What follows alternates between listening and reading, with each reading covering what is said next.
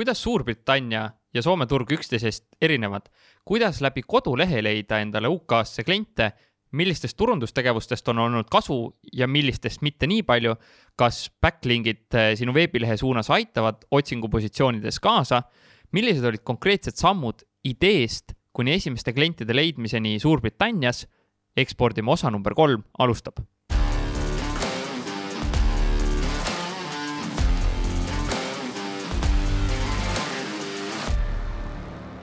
täna on saates mees, kellega ma kohtusin ise esimest korda Eesti Kaubandus-Tööstuskojas koos koolitust tehes. mina rääkisin siis ähm, agentuuri poolt ja tema oma lugu praktikuna. ja kuna me üksteist ei teadnud, siis me ei olnud kooskõlastanud ka üksteise slaidikomplekte.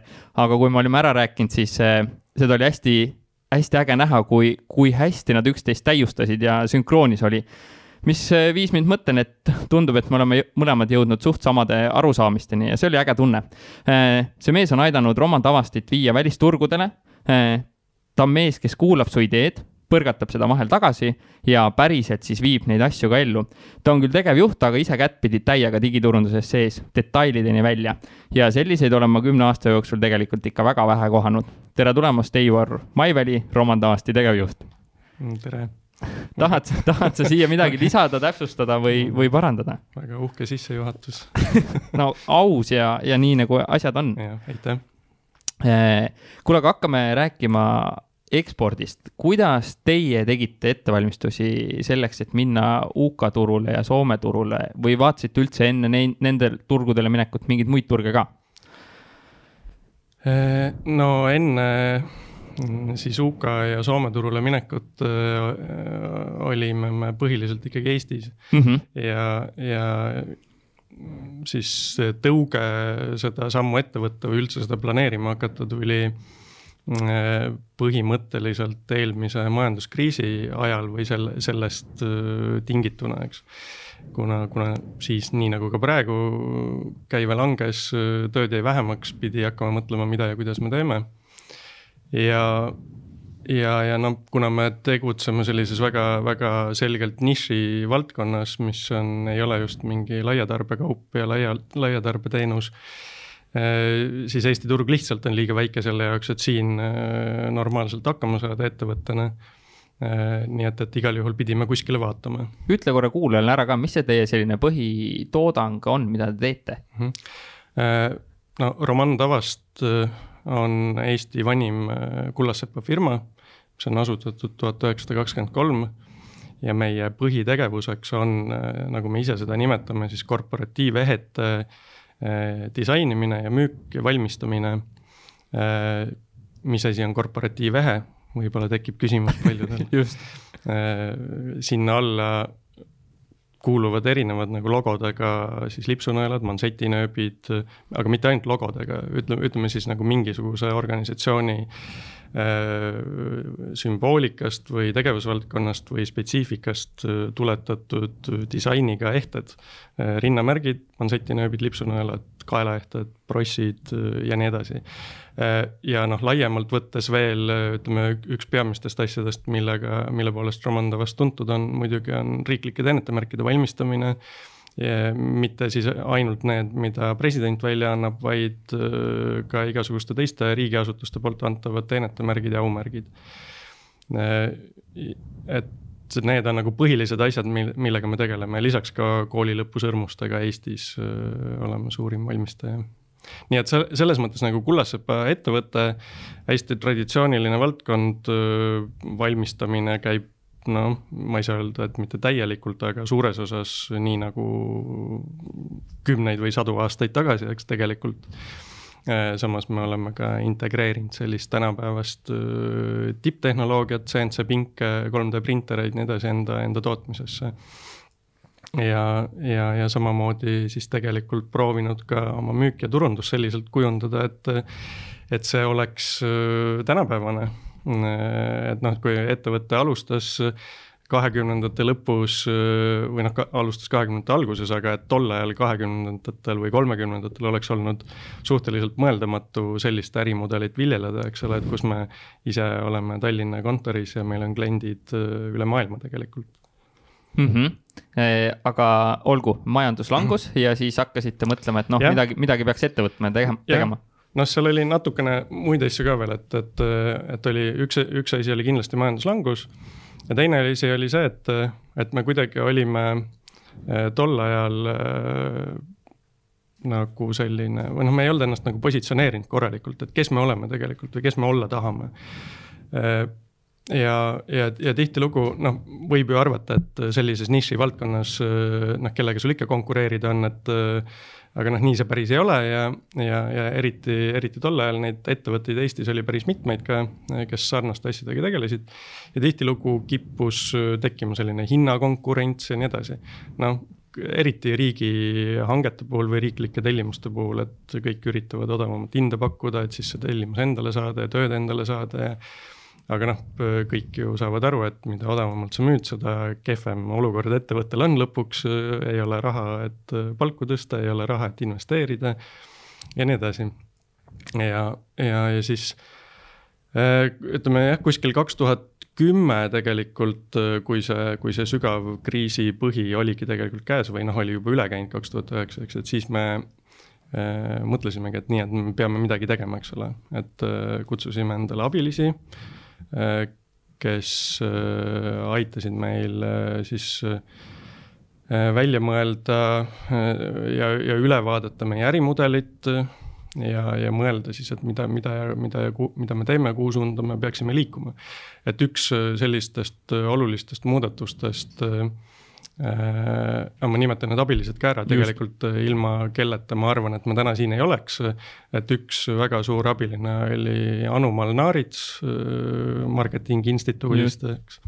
ja teine oli siis Indrek Maripuu, kes siis täna vist minu teada Lõuna-Eestis ka mingit loov, loovtalu või loovaita peab et, et nemad ja siis oli meil ka veel teisi abilisi ka meie klientide hulgas ja meie partnerite hulgas. ja töötajate hulgas, eks ole, et kõik oli päris palju inimesi kaasatud. ja, ja hakkasime noh vaatama, et mida me teeme, kes meie kliendid on ja mida me siis teha tahaksime ja kes me tahaksime olla.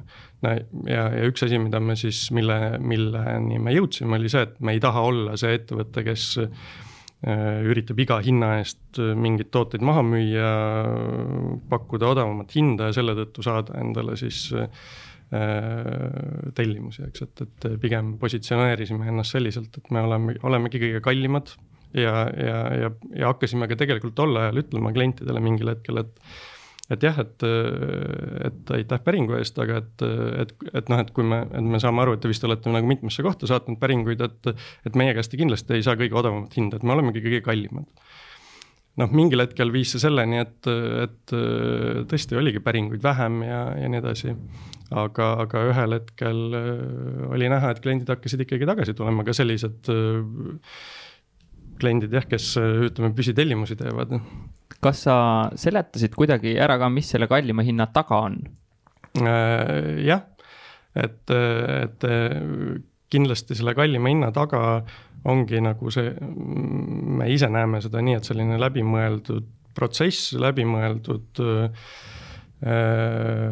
siis kliendisuhtlus, tootmine, see, et me täidame neid lubadusi, mida me anname äh, sest meie, meie tegevusvaldkond on väga tihedalt seotud, eks ole, sellega, et on mingi üritus kuskil, midagi toimub, mingi sündmus, kus tahetakse kedagi tänada ja need tooted on selle jaoks vajalikud, selle jaoks tellitud, et nad noh, et see toode kui selline, noh, kui mõelda näiteks võtame rinnamärgi, eks. et mis asi see rinnamärk üldse on, et lihtsalt mingisugune tükk mingit metalli, eks, et meie puhul enamjaolt hõbedat ja tal selles mõttes mingi praktiline väärtus ju otseselt puudub, eks aga, aga tal on mingi sisuline tähendus, mingi sisuline väärtus, mingi, mingi asi, mida või mingi idee, mida sellega tahetakse edasi anda.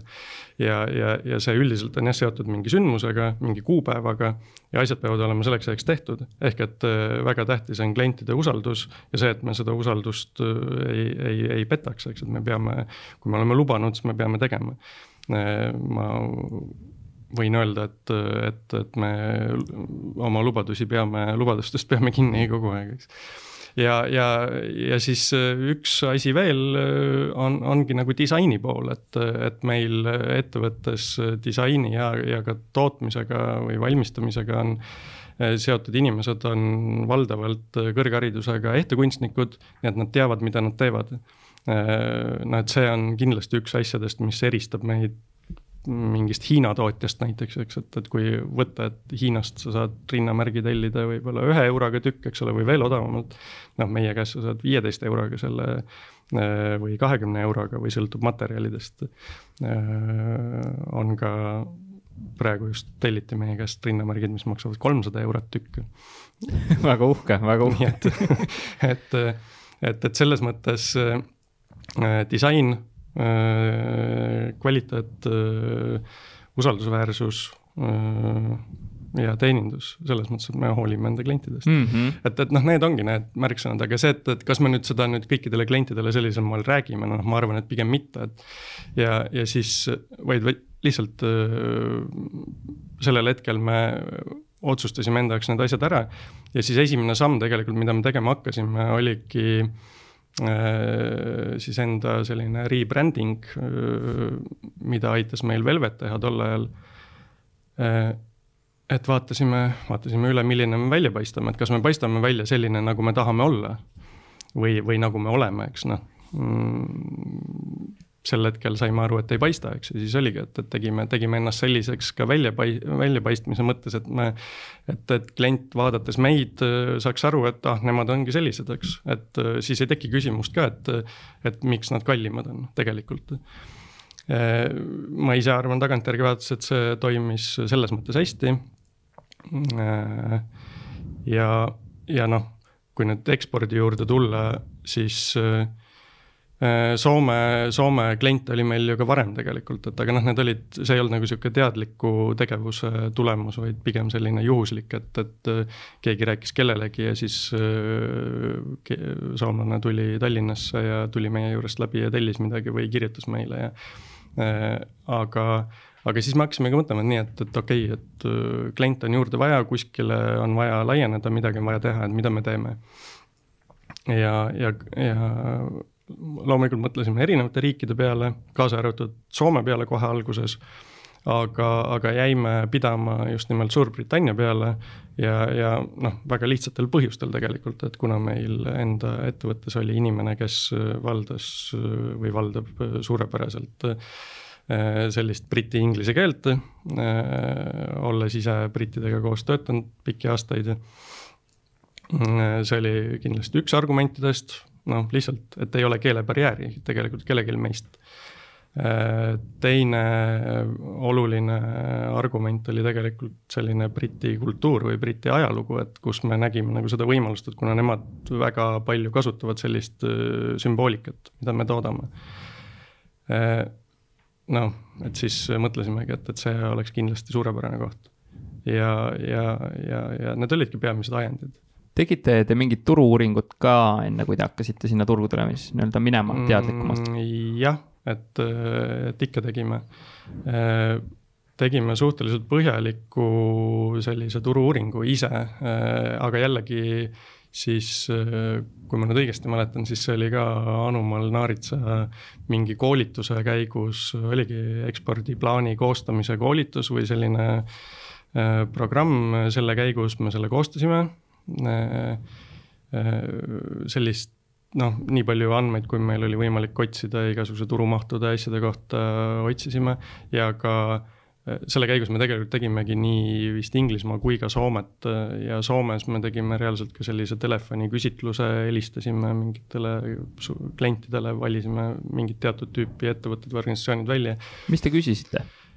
noh, küsisime erinevaid selliseid küsimusi, noh, ega neid palju ei olnud, mõni üksik, et peamiselt see, et aru saada, et kas kas Soome kliendi jaoks on vahet selle, selles, et kas ta tellib Soome ettevõttest või Eesti ettevõttest, kas see kuidagi mõjutab tema seda otsuse langetamist. ja, ja noh, mis need, ütleme selle otsu, ostuotsuse tegemise siis ajendid soomlase jaoks on noh, muidugi hiljem tagantjärgi vaadates me muidugi saime aru, et, et ega see noh, telefoni teel sa küsid, eks ole, inimesed vastavad. noh, aga ikkagi inimesed vist kipuvad vastama seda, mida sa kuulda tahad, et mitte seda, nagu tegelikkus on, et et, et, et selle uuringu käigus tuli välja, et soomlasi ei huvita üldse põhimõtteliselt see, et või see, või see ei ole nagu negatiivne argument, et sa Eesti ettevõte oled ainukene no, ja, ja ka hind ei ole tähtis, vaid ainuke oluline asi on kvaliteet, eks. mis päriselu tegi noh, päriselu on kindlasti toonud erinevaid näiteid, et, et täna on meil Soomes tütarettevõte kus siis klientidega suhtleb soomlane, ettevõte asub Turus on olnud paar sellist äh, näidet, kus äh, äh, Soome klient on arvanud, et neid asju valmistatakse Soomes ja siis, kui ta on teada saanud, et need tulevad Tallinnast, siis ta on väljendanud pettumust selle osas kuidas te lahendasite selle olukorra, mis te no, ütlesite? ei no selles mõttes, et, et noh, toode on kvaliteetne ja toode on aus, et, et ega seal kuidagi seda selles mõttes noh, ma ei tea, lahendada ei olegi, et.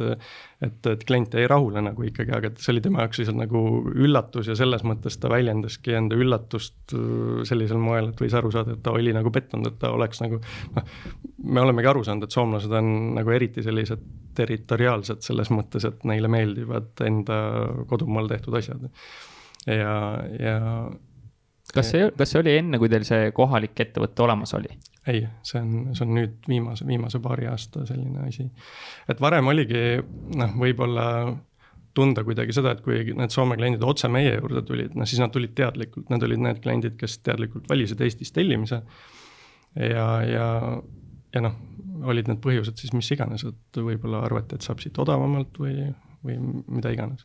et kindlasti on ka eestlasi või soomlasi, kes on väga suured Eesti fännid, eks et äh, meie klientide hulgas on mitmeid ja kes on meid ka aidanud erinevate soomekeelsete tekstide ülevaatamisega ja nii edasi, nii et kas te selle Suurbritannia suunal samasuguseid intervjuuid tegite või kuidas te seal seda intervjuu, jah, intervjuusid ei teinud, aga, aga äh, jällegi noh, kuna ei leidnud vist sellist sobilikku või noh, ei otsustanud tol hetkel niimoodi, et, et see oleks nagu võib-olla kõige otstarbekam asi, mida teha, et aga, aga mida me tegime, oli see, et kui me olime selle turu-uuringu ära teinud, aru saanud, et jah, et me tahame sinna, sinna liikuda, siis öö, otsustasime, noh, kuna meil oli varasemast üks selline kogemus juba läbi edasimüüja müümisel Suurbritanniasse, kus öö, ühed öö, siis meie nagu koostööpartnerid öö,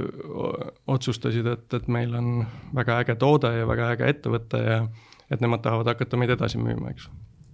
asutasid selleks täiesti uue ettevõtte seal, mis ei olnud romandavasti nimeline loomulikult ja, ja, ja hakkasid siis müüma meie tooteid, aga noh, kahjuks nad ei osanud seda vist väga hästi müüa ja see ongi selline valdkond ka, mis võtab väga kaua aega ja, ja, ja sellist, sa pead oskama nagu seletada kliendile just noh, needsamad küsimused, et et miks ma teie käest pean tellima, eks ole, noh, teil on nii kallis, et miks ma sealt ei pea tellima või ei telli, ma ei tea, mingit ühe eurost või naelast asja, eks. ja nii edasi, nii edasi ühesõnaga, see see ettevõtmine läks rappa sõna otseses mõttes et äh, mingi aasta või poolteist või kaks isegi nad seal pingutasid ja proovisid ja selle aja jooksul said võib-olla paar tellimust ainult. ja sedagi minu, minu arvates läbi oma mingite isiklike kontaktide, mitte nagu selliseid päris kliente, eks ole, et äh, kes tulevad ja tahavadki su käest tellida. Äh, ja, ja noh, siis me mõtlesimegi, et, et noh, et igal juhul me tahame sinna minna, noh, me fantaseerisime igasugustest asjadest, et, et noh, et ma ei tea kunagi peakontor Londonis näiteks või, või noh, nagu on need suured uhked ettevõtted kullasepa valdkonnas, eks. Äh, aga noh, mida me siis otsustasime, oli see, et, et me kindlasti lähme sinna oma nime all. tahame kõike ise kontrollida ja, ja, ja selleks, et noh, kui nüüd nagu endale otsa vaadata, saades aru, et me oleme Eestist. Äh, Eesti tuntus küll kogu aeg pidevalt kasvab maailmas, eks ole aga noh, kümme aastat tagasi või kaheksa aastat tagasi oli see kindlasti oluliselt väiksem, kui see täna on. Äh, enamiku läänemaailma jaoks noh, kui neil ei tule just meelde see, et Eesti on kuidagi mingi digiedulooga seotud nimetus, eks ole, et siis, siis see seondub pigem, et aa, et kuskil Venemaa kõrval mingi Vene provints, eks, või, või midagi muud, mingi Ida-Euroopa. noh, et mis sealt ikka head tulla saab tegelikult. noh, meie teame, et see ei ole nii, eks aga et seda jääd kuidagi on vaja sulatada või kuidagi on vaja saada see kliendi kontakt. noh, kui ise ka mõelda ennast, et kui mingit teenust või toodet otsida ja, ja Google'ist äh, tuleb sul välja näiteks, äh, ma ei tea, viis valikut, äh, olles Tallinnas, üks ettevõte on, ma ei tea, Tallinnas, üks on Tartus, üks on Helsingis, üks on Stockholmis ja üks on Riias.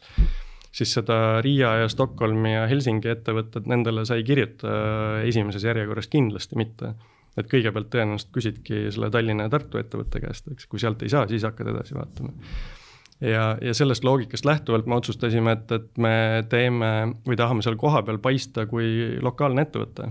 et me ei lehvita kuskil Eesti lippu, ei ütle suurelt, et made in Estonia ja ei ole aadress äh, Tallinn, eks. ja Eesti telefoninumber. aga, aga kuna kõige selle ettevõtmine ju on äh, väga ajamahukas, ressursimahukas, siis me mõtlesime, et me kõigepealt ei hakka sinna mingit ettevõtet asutama ega midagi muud tegema, vaid me kõigepealt tahame testida seda turgu, eks Äh, et, et see uuring andis meile piisavalt kindlust, et jah, et võiks teha, äh, võiks proovida. ja, ja, ja selle esimese proovi me otsustasimegi, et, et me võtame eeskuju nagu sellistest noh, startup'i maailmast, eks, et teeme kiiresti, lihtsalt ja katsetame ja testime, kuidas on. Äh, mina ise tegin vist kahe või kolme päevaga sellise hästi lihtsa odavatest või noh, mitte odavatest, vaid tasuta lahendustest WordPressi kodulehekülje.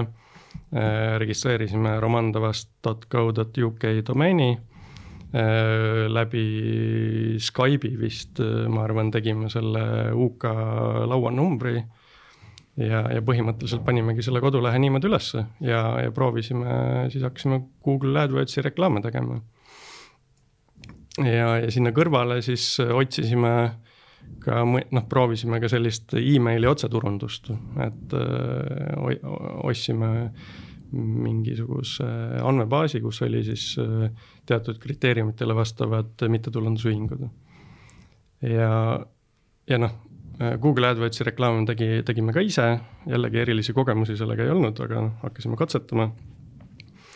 ja, ja noh, väga sihuke üllat-, üllatav oligi, et äh, tegelikult läbi selle emaili turunduskampaania või, või ütleme otse välja läbi spämmi saatmise tuli meile esimene äh, suur klient, kelleks oli äh, ISAF, mis on siis International Sailing äh, Federation äh,, rahvusvaheline pulje, purjespordi föderatsioon, eks noh, me olime ikka väga hämmingus selle üle, kui aus olla no nemad on meie kliendid siiamaani, et äh, tellivad erinevaid tooteid, erinevaid märke.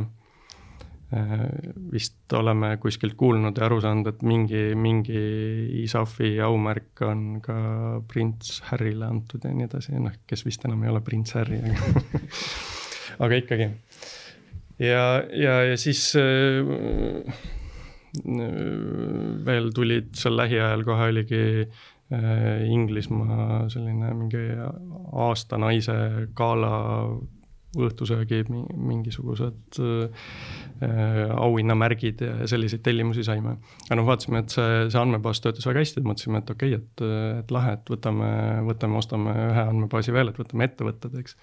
et noh, et kui juba MTÜ-d tellivad, et siis ettevõtetest saame kindlasti veel, aga siis sealt me saime põhimõtteliselt selliseid kurje pool sõimavas stiilis vastuseid, et kui te veel meile midagi sellist saadate, siis me anname teid kohtusse, eks. sealt no, enam, sealt enam ühtegi, ühtegi tellimust ei tulnud? minu arust mitte, jah mm. -hmm. et, et siis me, siis me sellest loobusime äh, ja aga noh, see andis meile nagu piisavalt kindlust, et, et, et neid kliente me saime, ka siis läbi AdWordsi päringuid meil tuli ja me saime neid ka töösse ja tol hetkel siis sellel hetkel, kui juba klient oli nagu nii kaugel, et ta ütles, et jah, ma tahan tellida, siis me ütlesime, et aa, et muideks, et me oleme ju Eestis tegelikult ja et meil ei ole hetkel ka Inglismaal ettevõtet, et arve tuleb Eestist, et kas see on teie jaoks probleem no ei olnud, et äh, tegelikult ongi, et äh, Soome ja, ja Suurbritannia turu väga suur erinevus on see, et, et kui britid juba saavad aru sellest, et näed, sinuga on võimalik asju ajada, siis neid tegelikult ei huvita, kus sa asud, noh, nad on nii harjunud sellega, et, et kogu maailm on lahti nende jaoks kogu aeg olnud, eks. et, et soomlastega nii lihtne ei ole selles mõttes ja, ja siis äh, saades selle mõne kuu jooksul need äh, noh, piisavalt kinnitust, et, et, et me oleme nagu õigel teel, siis me otsustasime, et lähme siis edasi, et äh, registreerisime seal kohapeal ettevõtte. kui lihtne seda täna teha on? vot täna ma ei oska öelda, aga, aga siis, aga siis see oli aastal kaks tuhat neliteist, kui me selleni jõudsime, et me seal ettevõtte registreerisime kusjuures äh, see oligi, kui ma õigesti mäletan, augustikuuni, et äh, ma arvan, et siin lähipäevil on äh, meie tüt-, Inglismaa tütarfirmal kuueaastane juubel tõenäoliselt. ettevõtte asutamine oli väga lihtne, seal ei olnud midagi keerulist. et, et kui Eestis ka tol ajal räägiti, et siis vist isegi ei olnud veel Eestis nii lihtne seda ettevõtet asutada, et ei saanud internetis kõiki asju ära teha, siis Inglismaal sai teha interneti teel kõik asjad ära ettevõtte asutamine käis väga lihtsalt, aga pangaarve avamine oli natuke keerulisem, eks. noh, nüüd on Eestis sama lugu, eks, et ma olen aru saanud, eriti kui sa ei ole kohalik, vaid oled välismaalane, siis pangaarve avamine on siin keeruline, oli ka seal keeruline. Äh, kuna no ütleme, meil kokku võttis aega see kuskil äh, kolm kuud, ma arvan, et me saime selle arve avatud, pidime selle jaoks käima pangas kohtumas Äh, ma arvan, et äh, asja lihtsustas see, et meil oli sealses ettevõttes üks kohalik äh, britt oli juhatuse liige. ja, ja see tegi asja lihtsamaks natuke, ma arvan, et kui me oleks puhtalt eestlased olnud, siis oleks veel keerulisem. ja, ja noh, selle pangaarve avamise käigus me pidime ka Londonis käima, aga jällegi, kuna Eestist eriti tol hetkel olid ja noh, praegu vist ma ei teagi üldse, kas üldse kuskile saab lennata Äh, oli, olid lennuajad äh, Londonisse sellised äh, väga kehvad, nii et selle jaoks, et käia pool tundi pangaametnikuga kohtumas, pidime me kaks ööd Londonis olema, eks, aga noh, see oli vaja ära teha. ja, ja, ja mm, registreerisime ennast ka käibemaksukohuslaseks ja põhimõtteliselt noh, sellega olidki meil kõik äh, sellised äh, lokaalse ettevõtte tunnused olemas, eks, et. mis selleks aadressiks sai, avasite Londonis päris kontori või? Äh, no põhimõtteliselt alguses küll jah, selles mõttes, et mitte küll päris kontori, aga, aga seesama inimene, kes meil oli juhatuses aitas meil ka seda müüki korraldada seal, nii et tegelikult see esimene, praegu ei mäletagi peast, ma arvan, et esimene aadress oligi tema koduaadress tegelikult äh, aga, aga jällegi ja, ja noh, hetkel on see raamatupidaja aadress.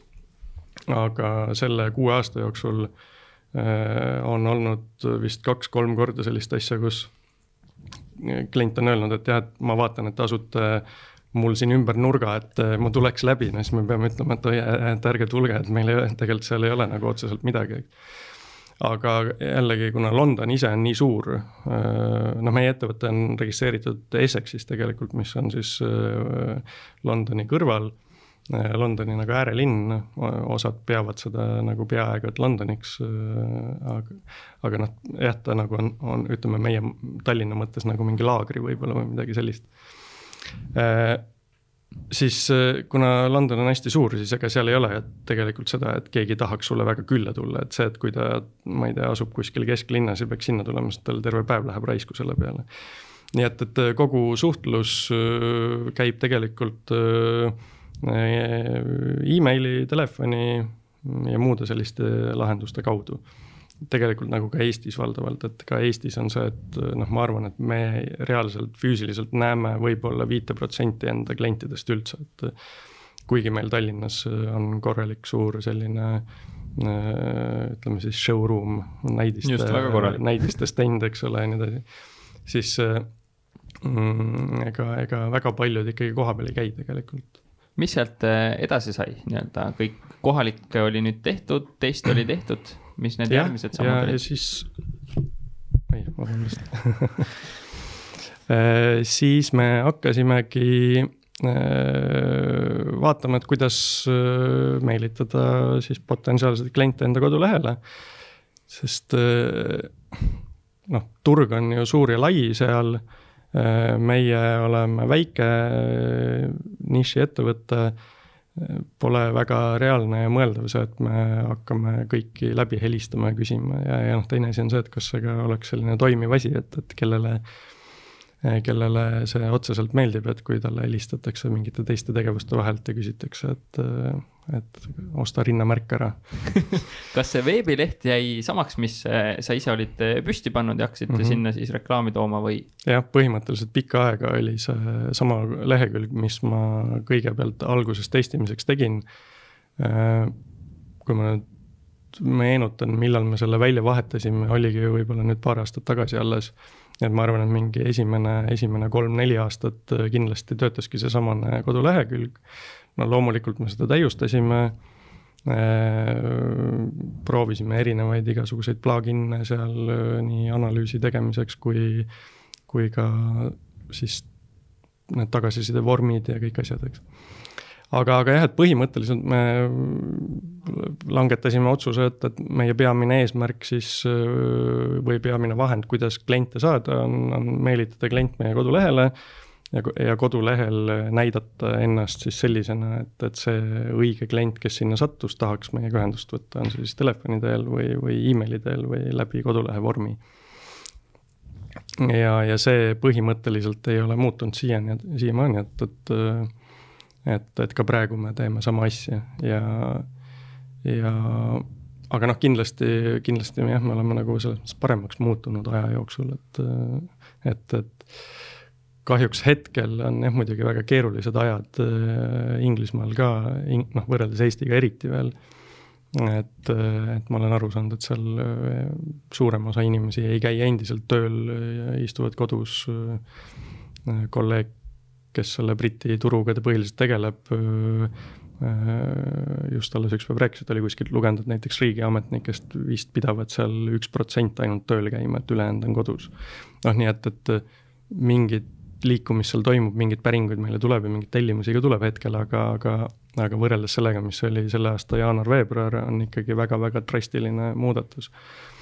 aga, aga jah, et mm, mis me seal kodulehel siis tegime, et et loomulikult need esimesed kliendid, kes meil olid, positiivsed kogemused, nende käest me küsisime tagasisidet. kuidas te küsisite? küsisimegi, et, et kas te annaksite meile tagasisidet mida me võime enda kodulehel siis kuvada, et, et ka teised kliendid seda näeksid. kuidas see reaktsioon oli no,, oldi nõus? jah, üldiselt on kõik nõus olnud, enam ei olnud, et keegi ei ole, ei ole otseselt öelnud. noh, ega me igaühe käest ei küsi tegelikult, et me nagu vaatame võib-olla noh, ikkagi selle järgi, et, et klient oleks nagu nimekam ja, ja noh, et, et see klient ka ütleks kellelegi midagi ja ja, ja, ja, ja siis nende käest küsime. Muidugi mitmed äh, Briti kliendid on meile siis öelnud, et äh, jaa, ei loomulikult, et kirjutage ise valmis ja siis äh, saatke, ma vaatan üle ja siis võite panna, et mul ei ole aega ise tegeleda sellega, et see on ka seal tavaline. mis Eestis ei ole väga tavaline vist, et noh, siis ongi, et sa pead nagu ise kuidagi ennast siis kiitma seal, et aga ei tohi ka nagu liiale minna, eks. nii et kodulehel on meil täitsa eraldi sektsioon, kus on siis klientide tagasiside, kus nad siis kirjeldavad oma kogemusi, mida nad on saanud ja see, ja sedasama me kuvame siis ka iga tootelehekülje peal tegelikult. et kui keegi satub sinna rinnamärkide tellimise lehele, siis ta sealt näeb seda. ja, ja noh, mingil hetkel oli siis see, et, et noh, mõtlesimegi, et kui, et kogu aeg Google AdWordsi reklaami eest raha maksta, noh, et ma ei tea, et kui kaugele me niimoodi jõuame, eks, et, et suht kulukas ikka ja et ei oska väga hästi teha ka ja, ja, ja ei ole võib-olla kõige optimaalsemalt tehtud ja, ja kõige efektiivsem. ja, ja siis, siis me mõtlesime, et noh, igalt poolt olime kuulnud ja tegelikult juba Anu Malnarits juba oli meile kahe tuhande kümnendal aastal rääkinud seda, et te peate hakkama blogi pidama ja no me mõtlesime, siis me ka proovisime, et okei okay,, et noh, et hakkame siis seda blogi pidama, eks, aga noh, ega siis sealt ei tule eriti midagi, et.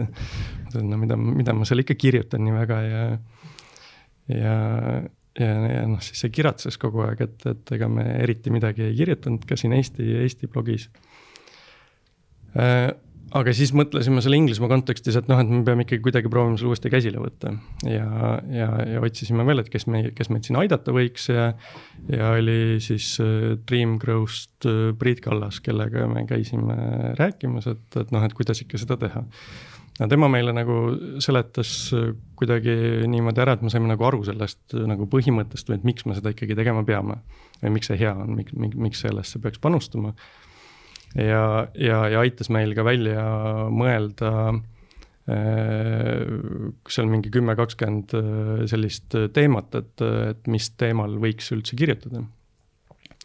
ja siis me, siis me hakkasime neid teemasid, teemadel kirjutama, aga noh, ka mõtlesime, et, et kuna me ise ei ole erilised osavad kirjutajad, et siis otsisime, otsisime lahendusi, et kust, kust neid tekste saada ja ja, ja esimesed tekstid äh, tegelikult mitu aastat me tellisimegi noh, ütleme kuskilt Pakistanist. kus sa selle äh, Pakistani kontakti leidsid? noh, on need erinevad portaalid, äh, freelancer.com ja, ja nii edasi, Upwork ja mis need on. et sealt otsisime ja, ja noh, ütleme nii, et kuna me tol hetkel siis pidasimegi seda põhiliselt selleks äh, või noh, tähtsaks nagu selleks, et Google saaks aru, et me mingitel sihukestel teemadel äh, kirjutame, mingite selliste asjadega tegeleme, äh, et mingid sellised märksõnad on kasutuses, et mingit uut sisu tuleb, äh, et kuidagi välja tulla, noh, kodulehesisesed lingid ja nii edasi, eks siis, siis see tunduski nagu okei okay alguses, et, et noh, ega see kvaliteet võib-olla nendel tekstidel nii kõige parem ei olnud, aga aga, aga noh, tundus, et see nagu töötas ja tundus, et oli okei okay ja, ja lasime selle osadel mm, nagu native speaker itel läbi lugeda ja, ja natuke korrigeerisime ja, ja niimoodi nad üles läksid. mis selle ühe artikli hind circa oli, mis te tellisite oh,? ma arvan, et mingi mõnikümmend dollarit võib-olla, et, et väga-väga odava rahaga. et praeguseks me oleme sinna nüüd jõudnud, et need tekstid, mida me hetkel kasutame äh, ja tellime, need äh, üldiselt maksavad jah, kuskil seal sada, kakssada äh, eurot või, või, või naela või dollarit. Äh, ja kvaliteet on ka märgatavalt parem ja kuidas see taktika töötas, hakkaski nüüd ilmuma blogis artiklid, hakkasite kohe Google'ile meeldima ja Google tõi teile kliendid?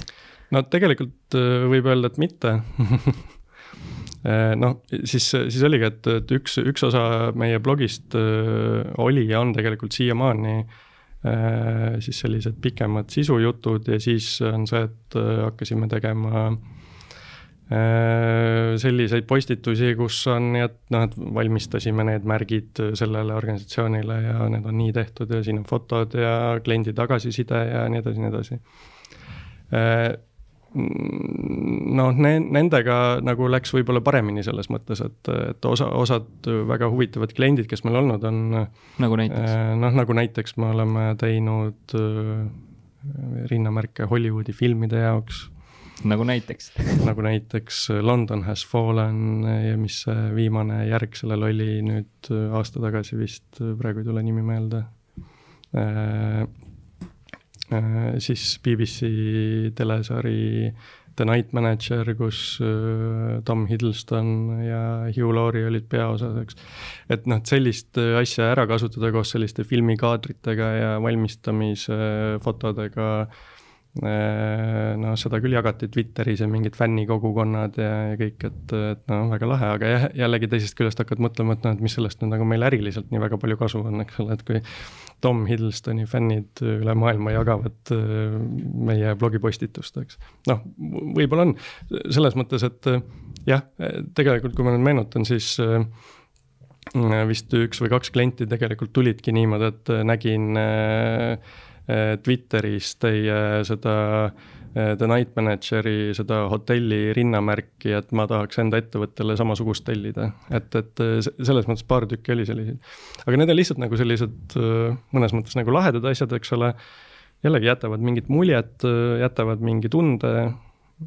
noh, kui mingi ettevõte juba ikkagi valmistab BBC top tippsarjadele ja Hollywoodi filmidele, noh et ju ta siis ikkagi midagi oskab, eks ja noh, on millestki rääkida, ja siin Eestis me oleme ka siis, kui on olnud sellised filmid, mis on kinno tulnud, siis me oleme kutsunud enda töötajaid ja koostööpartnereid siis seda filmi vaatama ja, ja teinud nagu sellise ürituse sellest, et, et lihtsalt nagu midagi teistsugust natukene ja need teised blogiartiklid, mis ei olnud nendest nii-öelda märkidest ja kuulsatest filmidest? noh, need, need olid siis, no sa mõtled need pikemad sisuartiklid, et, et, et noh, need olid ka erinevatel teemadel ikkagi, et, et kuidas äh, kuidas kasutada rinnamärke enda, ma ei tea, mingi mittetulundusühingu liikmeskonna kasvatamiseks või, või, või või kuidas luua ühtekuuluvustunnet või noh, mingid sellesuunalised artiklid kas neid nüüd keegi nagu süviti luges või loeb,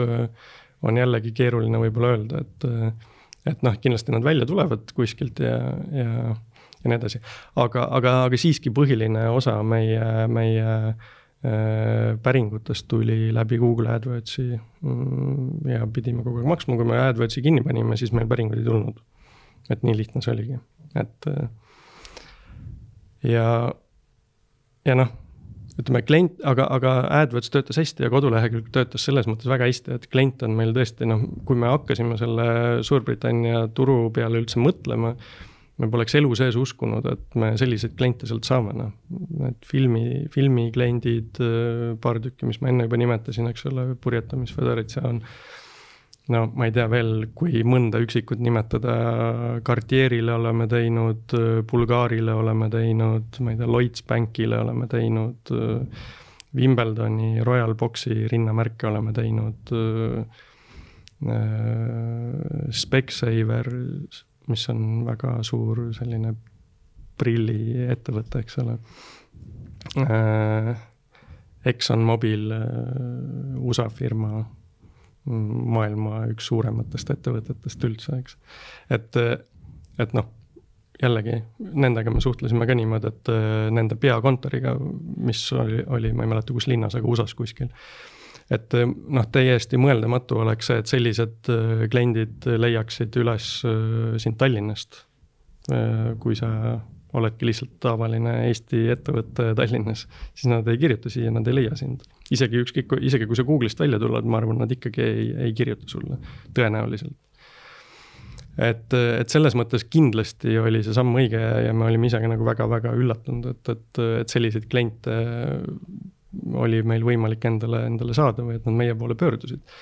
Ja, ja tihtilugu ongi küsitud meie käest ka seda, et, et, et noh, et kuidas te saite, et kuidas nad tulid ja, ja vastus ongi, et läbi Google AdWordsi reklaami ja kodulehekülje, et me ei ole ühtegi tuttavat seal, kes tunneks, ma ei tea, kõiki, kõiki neid inimesi, kes seal töötavad, eks mm. -hmm. et ja kui kuskilt juba midagi hakkab tulema, ega siis teised vaatavad ka, et on, on tõesti, meil on kodulehel fotod väljas, kliendi klientide nimed või noh, tagasisided väljas, siis paljud helistavadki, et nii, ma vaatasin, et teil on kodulehel, et te olete teinud seal seda Wimbledoni märki, et me tahame endale ka midagi analoogset, eks. no siis me ütleme, et jaa, vaadake, et see on päris keeruline märk,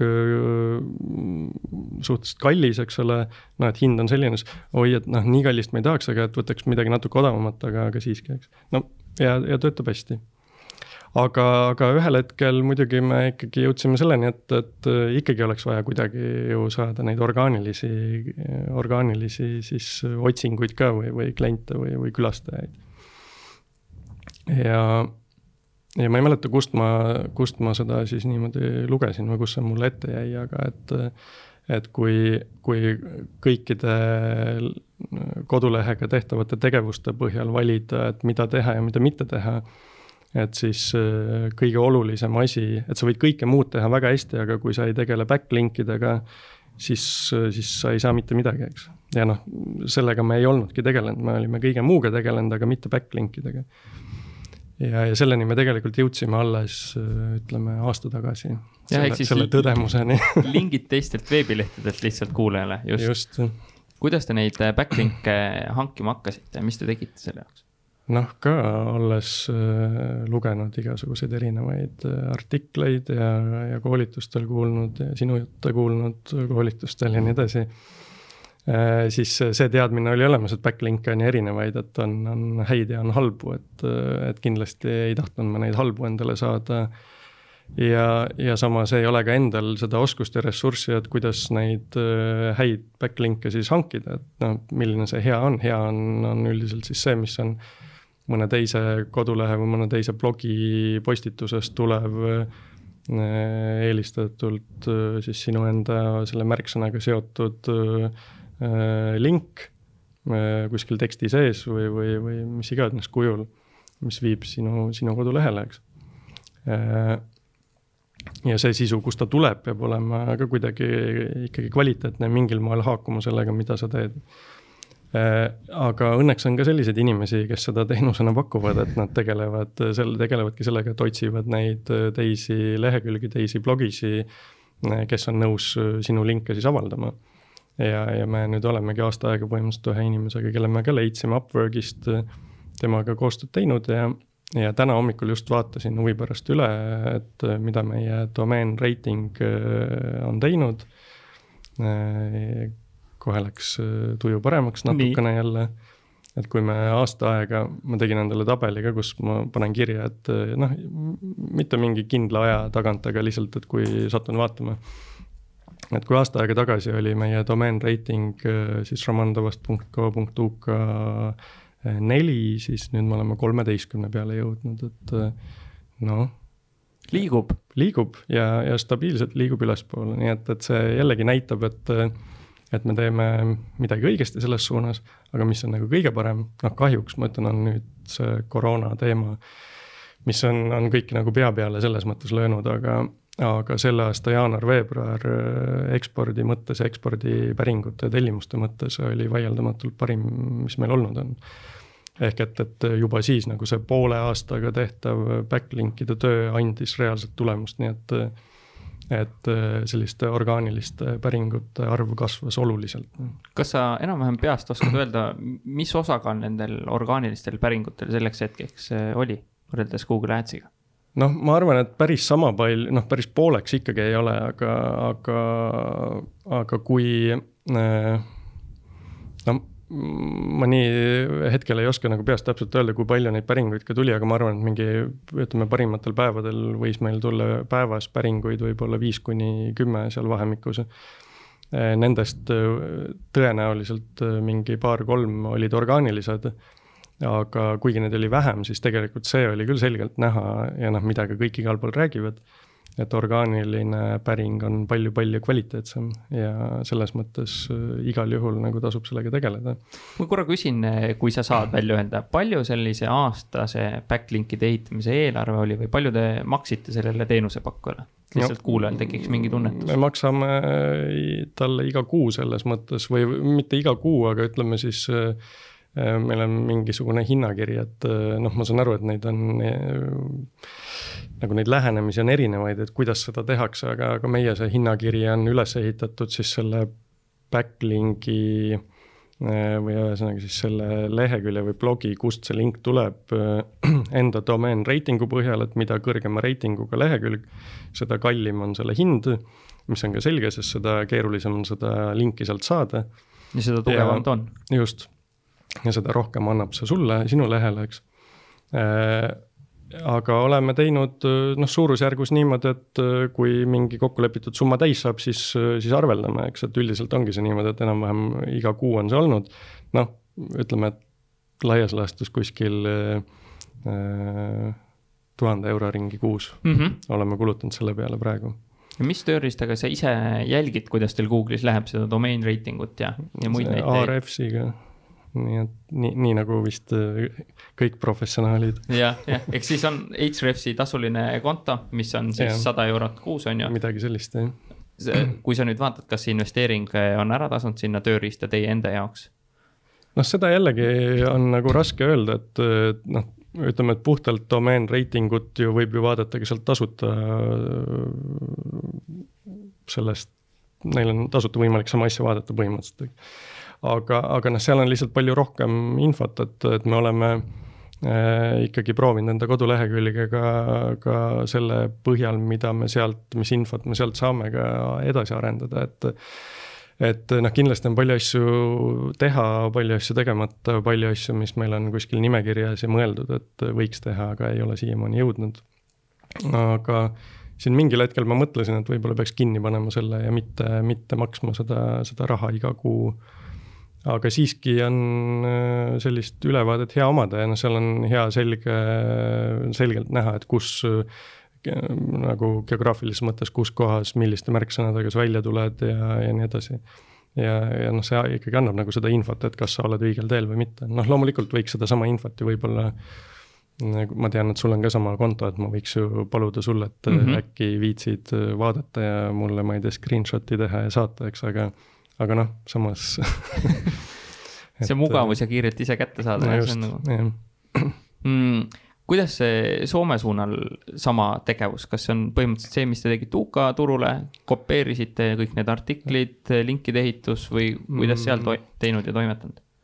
No Soomes oligi nii, et kui me kaks tuhat neliteist Inglismaa ettevõtte asutasime, siis me umbes aasta aega hiljem mõtlesime, et et noh, et kuigi jah, et me Soomes oleme niimoodi mitteformaalselt tegutsenud, et, et prooviks seal ka sama, sama mudelit. noh, et teeme sinna ettevõtte, otsime mingi inimese, kes seal siis äh, tegeleb klientidega äh, soome keeles äh, ja, ja, ja proovime ennast näidata seal ka kui lokaalset ettevõtet, et ei ütle seda, et et, et, et me oleme Eesti, Eesti firma, eks, vähemalt mitte esimeses järjekorras. ja, ja tegime selle ära ja hakkasime, noh, põhimõtteliselt üritasime jah kopeerida sama asja aga seal kuidagi on see palju vaevalisem ja, ja palju, palju raskemalt tuleb, tulevad need päringud ja kliendid kätte nii, nii nii orgaanilise otsingu mõttes kui ka, kui ka AdWordsi mõttes, et on seda palju raskem teha ja palju keeru-, keerulisem teha. ehk ikkagi see põhjustest, põhjus on kindlasti see, et on, turg on oluliselt väiksem. ja see, et äh, soomlased on lihtsalt teistsuguse käitumisega, oluliselt teistsuguse käitumisega et äh, noh, näiteks äh, üks selline hea näide võib-olla tuua mm, on, on see, kui meil on Briti klientidest sellised püsikliendid, kes meil on. ja tegelikult sama kehtib ka Eesti puhul enam-vähem. Et tulevad klient, tellivad midagi, siis tulevad aasta aja pärast tagasi, ütlevad, et me tahaks tellida veel, aga et teeme mingi teistsuguse kujunduse või teeme, noh, muudame midagi, teeme teistmoodi. ja noh, see tähendab seda, et siis sa pead, kuna meie toodete valmistamiseks on vaja mingid vormid, pressvormid, kujundused, need on vaja uued teha ja nii edasi. Äh, siis äh, soomlastel tundub see olevat nagu teistmoodi, et kui seal ütleme, et üks ettevõte või organisatsioon on endale ühe rinnamärgi loonud aastal seitsekümmend kaks äh, ja hakanud seda ühest kohast tellima, siis see märk ongi selline, niikaua kuni see ettevõte, kus seda telliti veel eksisteerib ja, ja kui ühel hetkel see ettevõte mingil põhjusel kinni pannakse, siis nad hakkavad otsima, et kust saaks äh, leida kellegi teise, kust tellida. ja seda, et, et nüüd, et me eelmine aasta tellisime sellist märki ja tahaks sellel aastal kujundust muuta, no ei, eriti ei ole, et ja see, ja see on ka tõenäoliselt põhjus, põhjus, et miks, kuna kliendid ei käi turul ringi vaatamas nii tihti ja nii palju, et, et tarnijat vahetada üldse et siis on keeruline, keerulisem ja, ja aeganõudvam nagu nende uute klientide saamine. aga, aga noh, ma ikkagi arvan, et äh, ega ta nii päris äh, maha visatud töö ei ole meil, et äh, et hetkel endiselt seal tegutseme ikkagi ja, ja tellimusi tuleb mm, mingil määral, mitte nii palju, kui tahaks, aga siiski. ja, ja olemegi võtnud nagu selle positsiooni, et me nii väga palju nagu rahaliselt ja ajaliselt sinna võib-olla ei panusta, aga, aga see, mida me juba teinud oleme, et me hoiame seda, laseme tal töötada, noh, ikkagi nii palju panustame, et hoiame teda töökorras, seda kodulehte töökorras, äh, AdWords äh, üleval, teeme ka blogipostitusi aeg-ajalt ja, ja, ja loodame selle peale, et ta aastatega vaikselt areneb ja, ja iga aasta mõni klient ikka vast lisandub, nii et kuidas te seal äh, UK turul oma selle eristumise olete paika pannud, seal ju konkurente ja neid teisi märkide mhm. tegijaid tõenäoliselt nagu jag jagub? Äh, jagub küll, jah. aga noh, seal on ka muidugi niimoodi, et äh, kui konkreetselt sellest meie valdkonnast rääkida, siis suurem osa neid ettevõtteid, mida guugeldades on võimalik üles leida, tegelikult vahendavad Hiinas toodetud märke. Mm, ja noh, ega nad ka ei ütle seda kuskil, et meil on need Hiina märgid, eks, et noh, see ongi nagu see, et ütleme, see eristumise või enda positsioneerimise koht meie jaoks ongi see, et, et me mitte ainult Eestis, vaid ka seal turul ütleme klientidele, et me olemegi maailma kõige paremad ja ja meie tooted ongi kallid. Ja, ja, ja olemegi proovinud teha enda kodulehe sellise, oma fotod sellised, et, et sedasama kõike kliendile edasi anda. kas fotot teete ise või tellite mõnelt partnerilt sisse? teeme ise ka.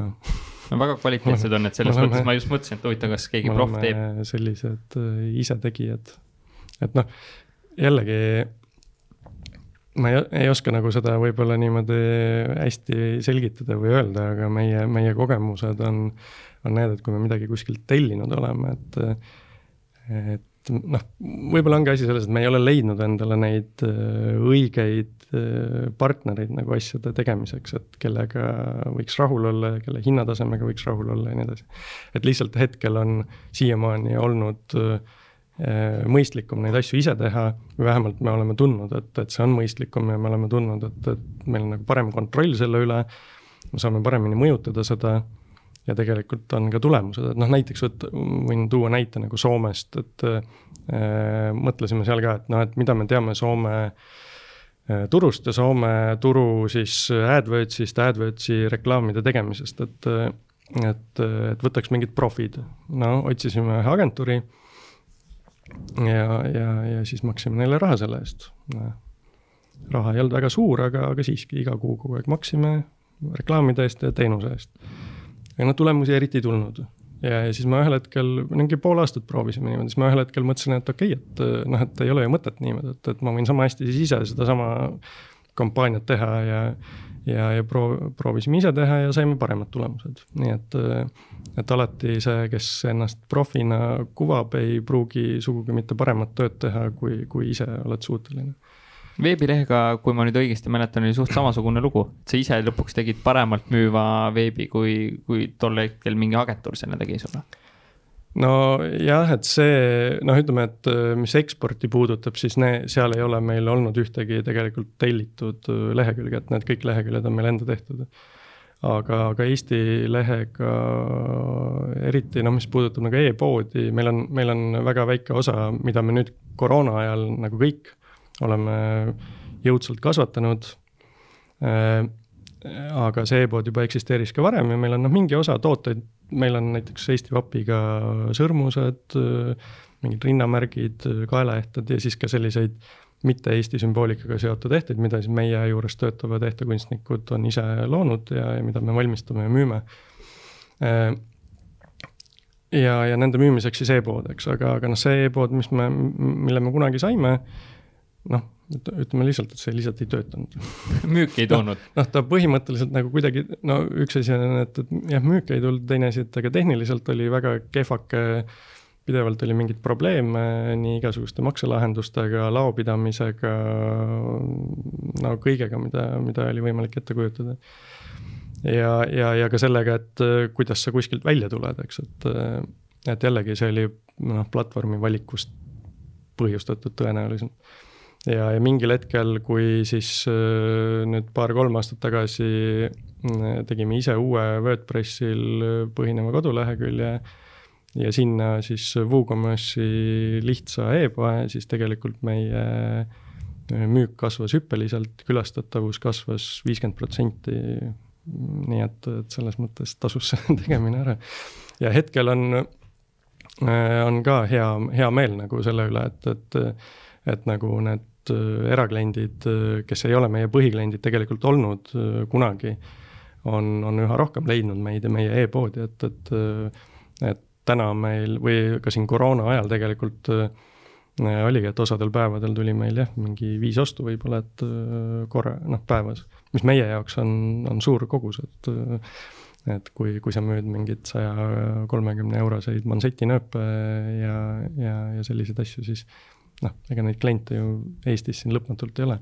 aga e-poega me ei ole kuskile eksporditurgudele läinud, et äh, see kindlasti on ka üks sellistest mõtetest, mis meil kuskil, kuskil peas mõlgub, aga, aga selle tegemiseni me jõudnud ei ole veel, jah mõni huvitavam lugu või klient, mis sulle meenub, mida te olete teenindanud ja kus on tulnud mingeid huvitavaid päringuid? maailma igasuguseid asju teinud. noh, kindlasti ongi vast kõige huvitavamad ja kõige elevust tekitavamad on, on need sellised nimekad äh, kliendid, kus sa saad aru, et äh, noh, et vau, et kuidas ta nüüd meie otsa nagu juhtus, eks, ja ja, ja, ja noh, tegelikult oligi näiteks seesamane, see nüüd oli jah, kolm-neli aastat tagasi, kui, kui see äh, London Has Fallen filmi äh, tegijad siis meiega ühendust võtsid, filmimine, no kuna tegevus toimus Londonis, siis filmimine toimus ka Londonis. Äh, otsisid, neil oli vaja rinnamärke, mida, mida siis äh, seal filmis kandsid äh, siis USA presidendi ihukaitsjad. ja see üks peaosatäitjatest oli Gerald Butler, kellel no põhimõtteliselt, kui seda filmi vaadata, siis kaks kolmandikku eetriajast oli kogu aeg meie märk ekraani peal. ja vahepeal ikka väga suurelt, et et seda oli hiljem nagu väga lahe vaadata. aga kuidas nad üldse meiega ühendust võtsid, no see oli ka väga, väga lahe tegelikult. et kui ma enne ütlesin, et sellised kliendid äh, ei võta Eesti firmadega ühendust, ei helista Tallinnasse, siis noh, nemad olid nagu see erand selles mõttes äh, küll aga nad ei helistanud mitte sellepärast Tallinnasse, et nad oleks nagu Eesti ettevõtte leidnud, nad leidsid ikkagi meie selle Inglismaa kodulehekülje. aga guugeldades meid, kuna neil oli väga kiire Äh, umbes võtted pidid kohe hakkama, noh nagu seal maailmas vist ka käivad need asjad, et kõik asjad jäetakse viimasele minutile ja, ja, ja nii edasi. Äh, siis äh, guugeldades ta sai aru sellest, et, et meie tootmine tõenäoliselt on Tallinnas.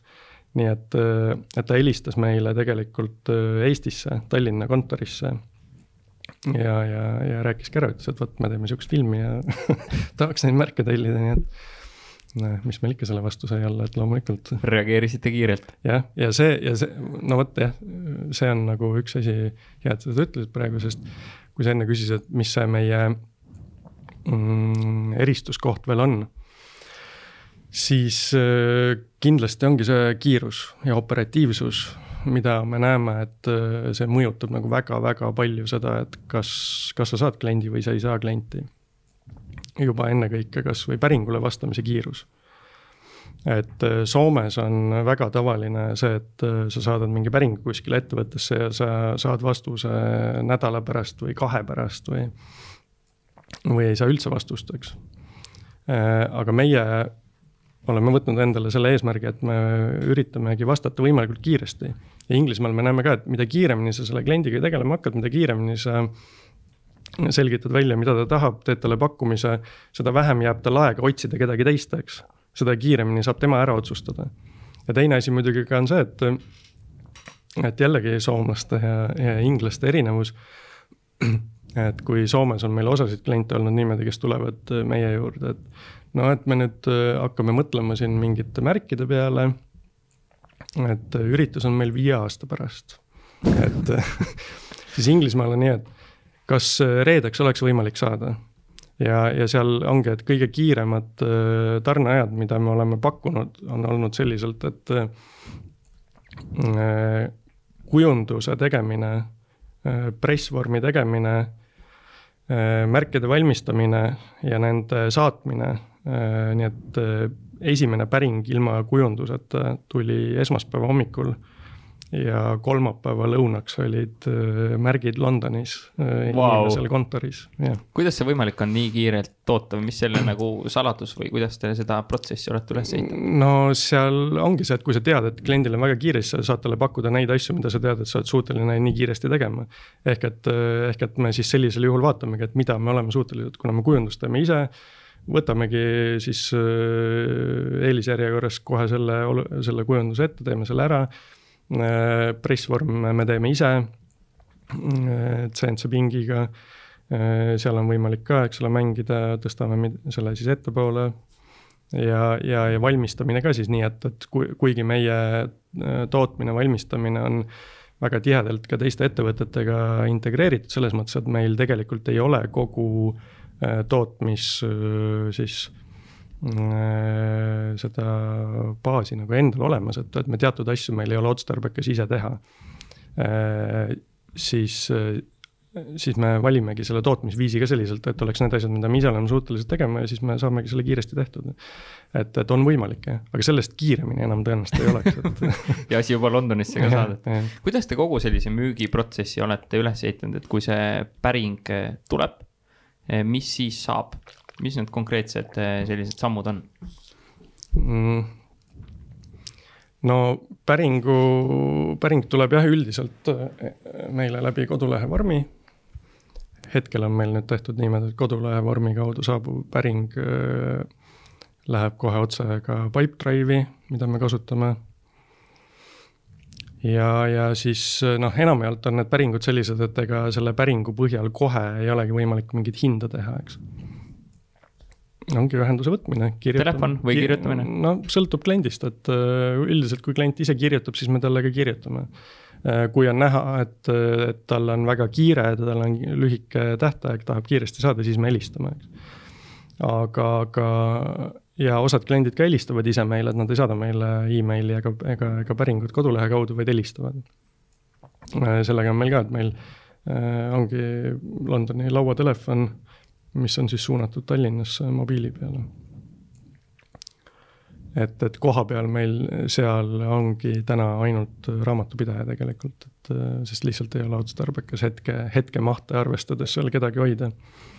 aga, aga tulevikuplaanid muidugi on see, et tahaks, et seal oleks korralikum, suurem ka mingi kohapealne baas olemas aga, aga. võtate ühendust temaga? jah, võtame ühendust, selgitame välja, mida ta tahab, noh, esi-, meie küsimused, meie peam-, noh, peamine küsimus ongi see, et Äh, et aru saada sellest, et äh, mida, mida klient tahab, milleks ta seda toodet kasutama hakkab. mis on selle eesmärk, noh, et kui võtamegi jälle sellesama rinnamärgi, siis rinnamärki võib väga erineval moel kasutada, eks. Et see võib olla nagu mingi aumärk, mingi teenetemärk, mingi selline tähtis asi, mida kellelegi antakse mingisuguse suure panuse eest see võib olla ka midagi sellist, noh, vahepeal on veel see, et on lihtsalt mingi ettevõtte logoga märk, mida öeldakse, et töö juures antakse töötajatele, et kanna revääri küljes, eks. Äh, see võib olla mingi, ma ei tea, klubimärk, see võib olla ka lihtsalt mingi selline märk, mida tahetakse kuskil messil jagada igale ühele, et võta ja pane endale külge, eks. ehk et sellest kõigest lähtuvalt, et mis asi see on ja milleks seda kasutatakse sellest lähtuvalt me hakkame siis soovitama, et kuidas seda teha võiks.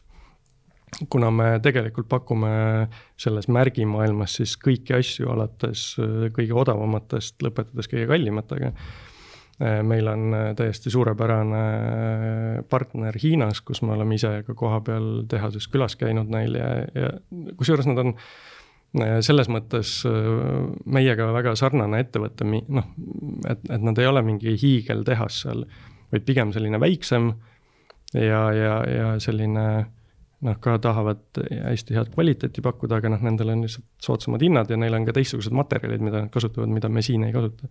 nii et meie käest on võimalik tellida neid kõige odavamaid asju ja siis on võimalik kõige kallimaid asju tellida. ja siis selles ampluaas me siis otsime kliendile kõige sobilikuma variandi ja teeme kujunduse sellest lähtuvalt, teeme hinnapakkumise sellest lähtuvalt. ja hinnapakkumine välja saadetud, mis siis sealt no kõik, kõigepealt ongi see, et enne, me ei hakka üldiselt, ei hakka eriti enne midagi tegema, kui me oleme aru saanud sellest, et noh, et kliendiga jõudnud nagu vastastikusele arusaamisele hinnataseme osas, et klient ütleb ka, et okei okay,, et temal on selline hind sobilik ja ja, ja, ja nii edasi. Ja siis, siis juba ongi, et kui klient ütleb, et jah, et talle sobib ja tahab, siis me hakkame kujundust tegema. Kujundust üldiselt me lubame alati teha nii kaua, kuni klient rahule jääb sellega. Äh, noh, enamjaolt on, on ikka nii, et kas klient jääb kohe rahule või siis võib-olla ühe korra teeme ümber, et väga palju sellist oh,, aga, aga mõnikord on üksikuid kliente, kellega me tõesti väga pikka aega põrgatame edasi-tagasi seda. ja, ja siis sealt edasi, sealt edasi läheb tegelikult tootmisesse juba. Äh, nii et, et ega, ega see protsess selles mõttes on, on väga selline, selline, kuidas öelda, otsejooneline, et päringust töösse mm. -hmm. Mida sa soovitad neile, kes eh, mõtlevad, et kas eh, hakata eksporti tegema, kas minna välisturgudele või mitte? no kui ikkagi sisetunne ütleb, et tasuks minna, et siis ikkagi tasuks minna kindlasti. et noh, kindlasti tuleb oma tegevus läbi mõelda.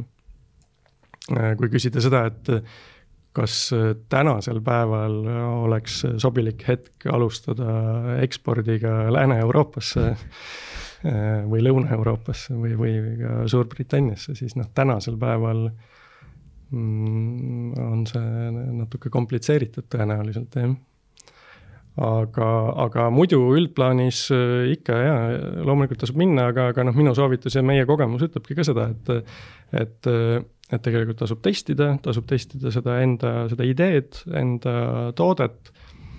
üks asi jah, mida ma enne ka veel ei öelnud, on see, et, et, et me tegelikult siiamaani Briti turul oleme äh, tegelikult või reklaamime peamiselt siis ainult rinnamärke ja manseti nööpe tegelikult, jah. Et äh, kui Eestis on meil teisi tooteid veel ja noh, osaleme riigihangetel ja teeme siukseid keerukamaid asju, riigi tellimusi täidame, siis seal me sinna, sellesse suunda veel liikunud ei ole ja see oli ka teadlik valik, et mitte enne, enda tegevust killustada, et mitte muuta asja liiga keeruliseks. siis me mõtlesimegi, et kõige, võtsime selle kõige lihtsama ja kõige siis äh, Äh, ostetuma toote, mis meil oli ja, ja, ja hakkasime seda turundama, et ja tagantjärgi vaadates ka oli see kindlasti õige valik. aga no ühel hetkel me kindlasti tahame liikuda ka sealt edasi. aga ma arvan, et täna ei ole ka veel see õige aeg, et, et, et nagu riigi, riigi äh, on seal ka võib-olla selline, et see, see kohalolu seal peab olema natukene pikem, et, et seal osad vanad tegijad, kes seal on. noh, kui meie ettevõte on tuhat üheksasada kakskümmend kolm asutatud, siis äh, Inglismaa mõttes äh, oleme me väga noor ettevõte, et. et seal on ikkagi märksa vanemad firmad. ja, ja noh, üks, üks sealsetest konkurentidest. minu arust ma nende kodulehelt lugesin seda, et nad pidid, äh, nad on nagu Itaalia päritolu, pidid vist viiskümmend aastat olema seal, seal turul enne seda, kui oli neil võimalik näiteks hakata riigihangetel osalema. noh, et neid tõsiselt võeti üldse. Läheb tükk aega veel. jah, ma loodan, et mu silmad näevad seda no peavad nägema. mis teil turunduses üldse ei ole töötanud, millel sul on tagantjärgi väga kahju, et sinna raha alla pandud sai äh,? Jah, ei, ma ei oska nagu niimoodi tegelikult midagi välja tuua, et ma arvan, et äh, kuna noh, me, me oleme nagu sellest aru saanud selgelt, et äh, ei ole mitte kedagi, kes oskaks vastata meie küsimustele tegelikult. ei ole mitte ühtegi inimest kuskil olemas, et kelle juurde minna ja kes teab vastuseid keerulistele küsimustele, ütleb, et tehke nii, see töötab. et äh, ikkagi kõik asjad on niivõrd spetsiifilised nagu selle toote, ettevõtte, turu ja mille iganes spetsiifilised. et sa pead lihtsalt selle läbi proovima ja, ja kui ma tagantjärgi mõtlen, ma arvan, et see kõik ongi olnud üks protsess lihtsalt.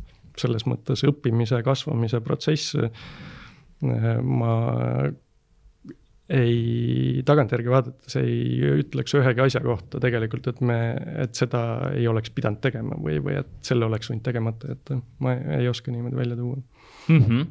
et noh, muidugi võib mõelda, et et noh, et oleks võinud selle Soome, selle AdWordsi agentuuri jätta palkamata ja kohe hakata ise tegema, aga noh, tegelikult siis ma ei teaks sa seda, siis jah. ma arvaks siiamaani, et näed, et äkki on meie tulemused ikkagi kehvemapoolsed ja, ja keegi kuskil teeb paremini. ega kindlasti keegi teebki paremini, ma ei ütle, et me teeme asju maailma pari, parimal viisil, eks kindlasti mitte hetkel me ei ole leidnud tõenäoliselt lihtsalt paremat lahendust, kui neid asju teha nii, nagu me täna teeme. see ei tähenda seda, et me homme või aasta pärast ei leiaks veel paremat moodust, eks. et selles mõttes peabki erinevaid asju proovima ja, ja kõik need asjad ikkagi viivad sammhaaval äh,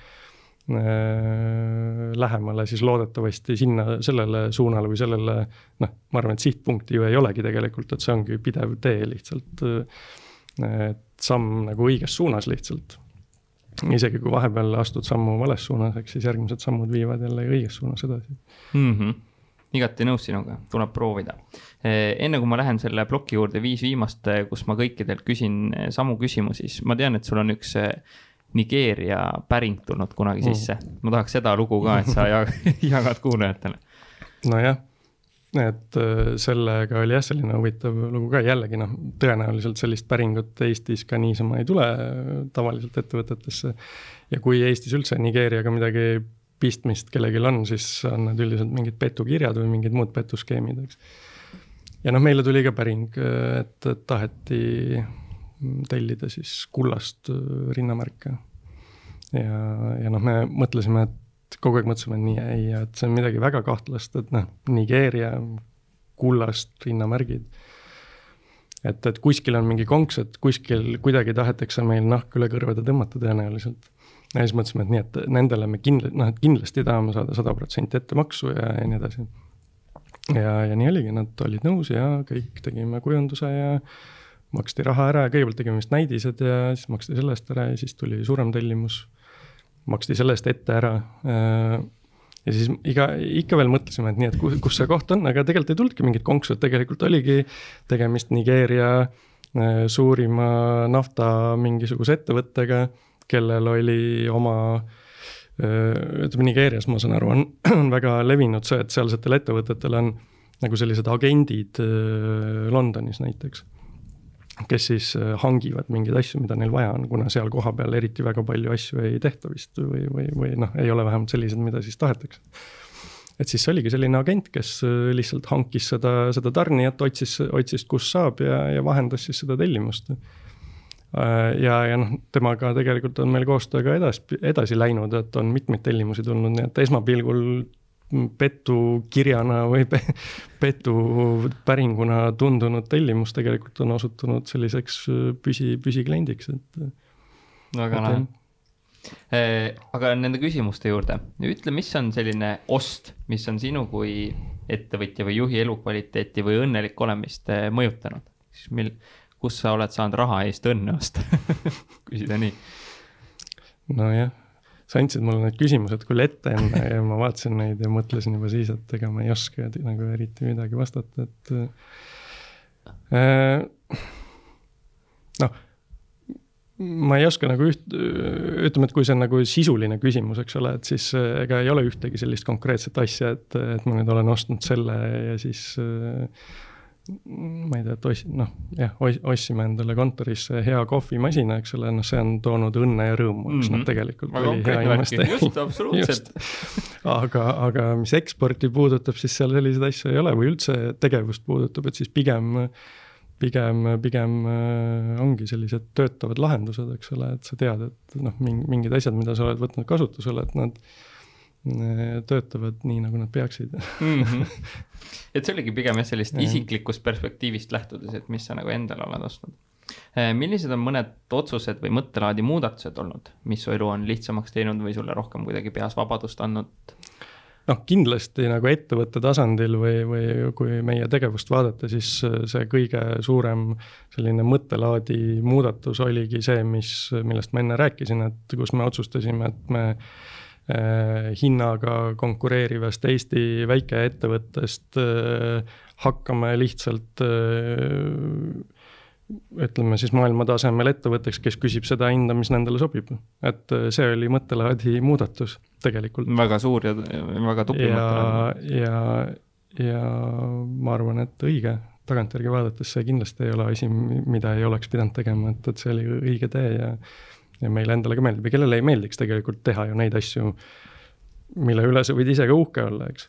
et, et sa teadki, et sa teed, noh, ütleme, et kas ta nüüd tegelikult on võib-olla kindlasti maailmas veel mõni ettevõte, kes teeb sama häid asju, eks. aga, aga see tunne, et sa kõikide oma, oma töökaaslastega koos tahad teha päriselt seda, mis olekski kõige parem, siis mis saaks veel parem olla, eks, et mm. -hmm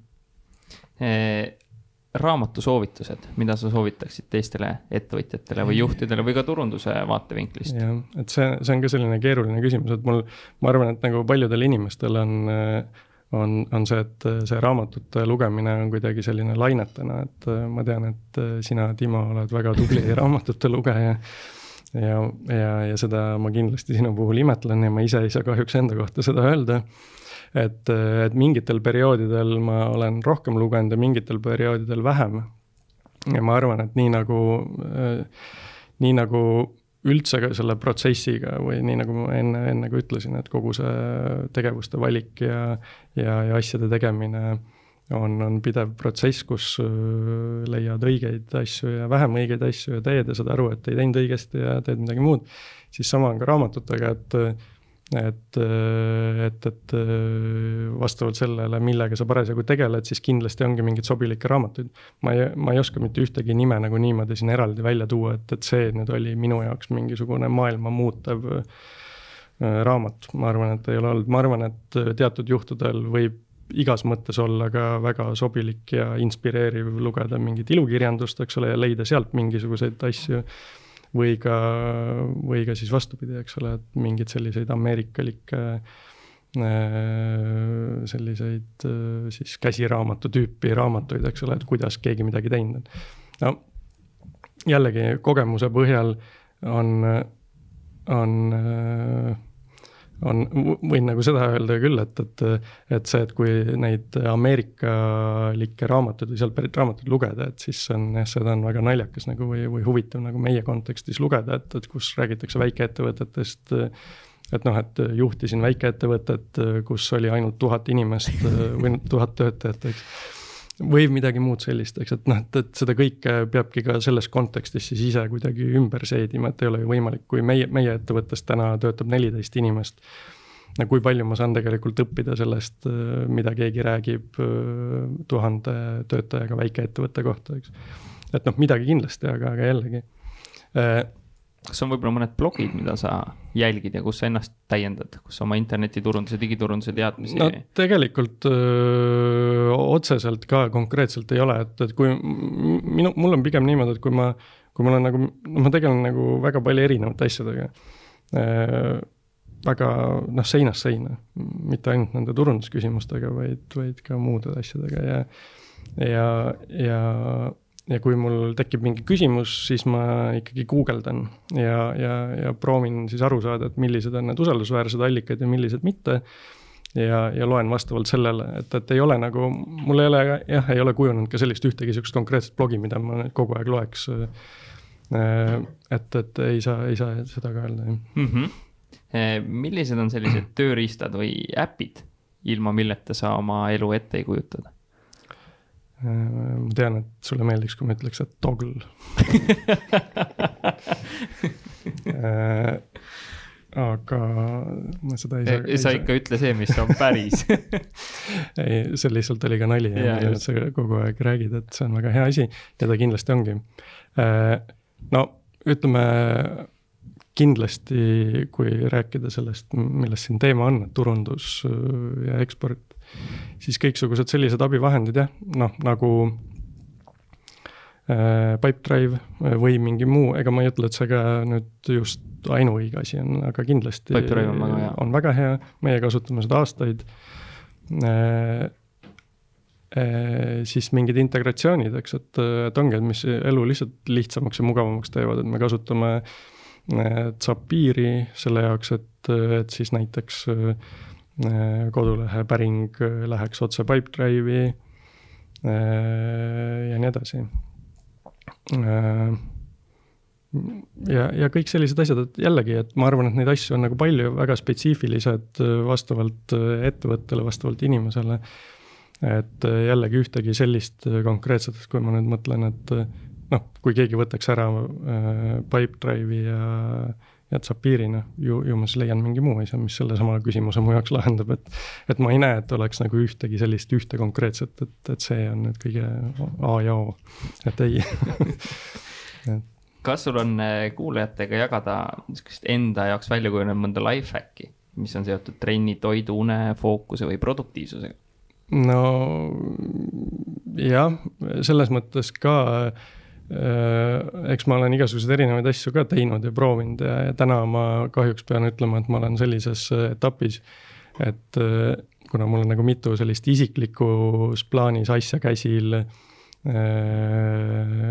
ettevõtluses on keerulised ajad, siis selline stressitase kindlasti on keskmisest kõrgem ja, ja olengi jõudnud ka sinnamaani praegu selle noh, mõttega, et peab hakkama uuesti ennast käsile võtma, mulle väga meeldis jooksmas käia vahepeal.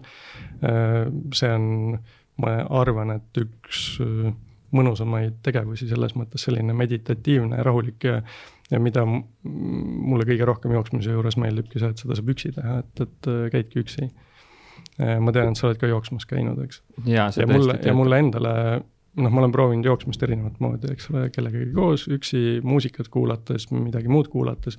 mulle kõige rohkem meeldib see, et ma jooksen niimoodi, et ma ei kuula mitte midagi, ongi lihtsalt vaikus ja lihtsalt ma jooksen ja kui on mingid mõtted, siis ma mõtlen neid ja mõnikord on ka võimalik see, et ei mõtlegi millegi peale, mis on väga hea. oleme täpselt samas eh, klubis, ma olen mm. jõudnud täpselt samale, et ilma mitte millegita lihtsalt jooksed mm. -hmm. veel midagi, mis sa head nõu anda nagu stressi no, maandamise ja? Selles mõttes tuleb äh, ikkagi vabal ajal teha neid asju, mis meeldivad, et ma olen proovinud äh, erinevaid äh, väga põnevaid asju viimaste aastate jooksul, mida ma olen ammu unistanud, no näiteks hakkasin, tegin endale mootorrattaload, hakkasin mootorrattaga sõitma. Oh,, väga, väga lahe.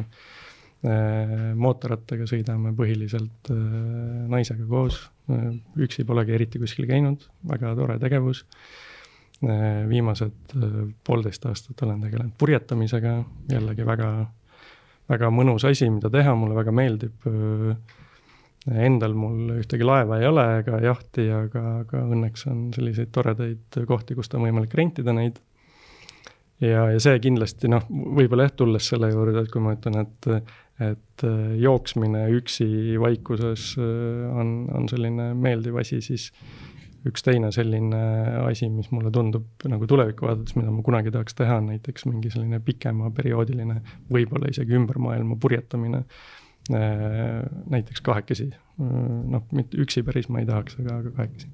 et see võiks olla väga lahe asi, aga noh, jah, lihtsalt, et uute asjade, selliste uute asjade proovimine, mida, mida, mida, mida ma olen tahtnud pikka aega teha et, et see kindlasti aitab äh, välja tulla nagu sellest igapäevarutiinist ja, ja teha, teha midagi muud. aga, aga jah, ja, ja noh, mingil hetkel muidugi jõuad ka selleni, et äh, võib-olla ei peaks lihtsalt nii palju asju ette võtma, et ka tuttav tunne. mul aeg-ajalt tekib see tunne siis ma aeg-ajalt proovin nagu seda rakendada, aga siis mingil hetkel jälle leian ennast, et selles olukorras, et et nii palju asju on teha ja midagi ei jõua ja et kui saaks nüüd need asjad tehtud, siis rohkem enam ühtegi asja ei võta juurde. Aga, aga jah aga suured tänud, et sa tulid kohale, et sa jagasid seda head nõu, nii nagu asjad, mis töötavad ja, ja mis ei ole töötanud, on ju. ja, ja ma loodan, et te saate hulgaliselt toredaid Nigeeria kliente ja, ja Suurbritannias täpselt samamoodi, nii et mm -hmm. jõudu ja jaksu ekspordis. aitäh sulle ka ja edu sulle selle ägeda podcast'i tegemisel edaspidi. suured tänud sulle. tänud, et sa oled selle podcast'i lõpuni kuulanud enne kui sa ära lähed. kui sa tahad korralikult läbimõeldud veebilehte, mis aitab äh, sul müüki kasvatada ja oleks siis heaks eelduseks, kui sa tahad minna välisturgudele või sul on mõni muu turundusalane väljakutse, siis äh, mine lavi.ee ja vaata, võib-olla saame sulle abiks olla. samuti, kui sul on vaja kvaliteetset sisu, olgu see siis video, olgu see siis heli ja nõuga, kuidas siis seda levitada, äh, et oma klientidele väärtust luua ja jälgijaskonda kasvatada siis maratonstuudios.ee on kindlasti see koht, eh, mida uurida ja kuskohast alustada. olen Ahti ja Markoga väga palju koostööd teinud, teinud erinevaid projekte ja seesama podcast Ekspordime, mida sa kuulad, on siinsamas eh, Maraton stuudio sees eh, salvestatud. ja julgen neid mehi nagu tõsiselt soovitada ja miks, on see, et nad on profid nad hoolivad sinust, nad teevad asja hingega ja noh, sellist komplekti või kokteili kohtab ikka väga-väga harva